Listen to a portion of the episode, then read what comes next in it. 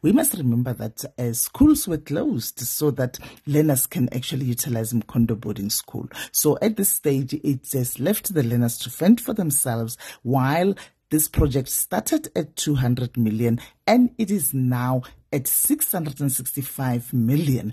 It is very concerning because it is still not complete. The department keeps on saying it is at 85% complete. It can remain at 85% complete forever. We need answers because January is here.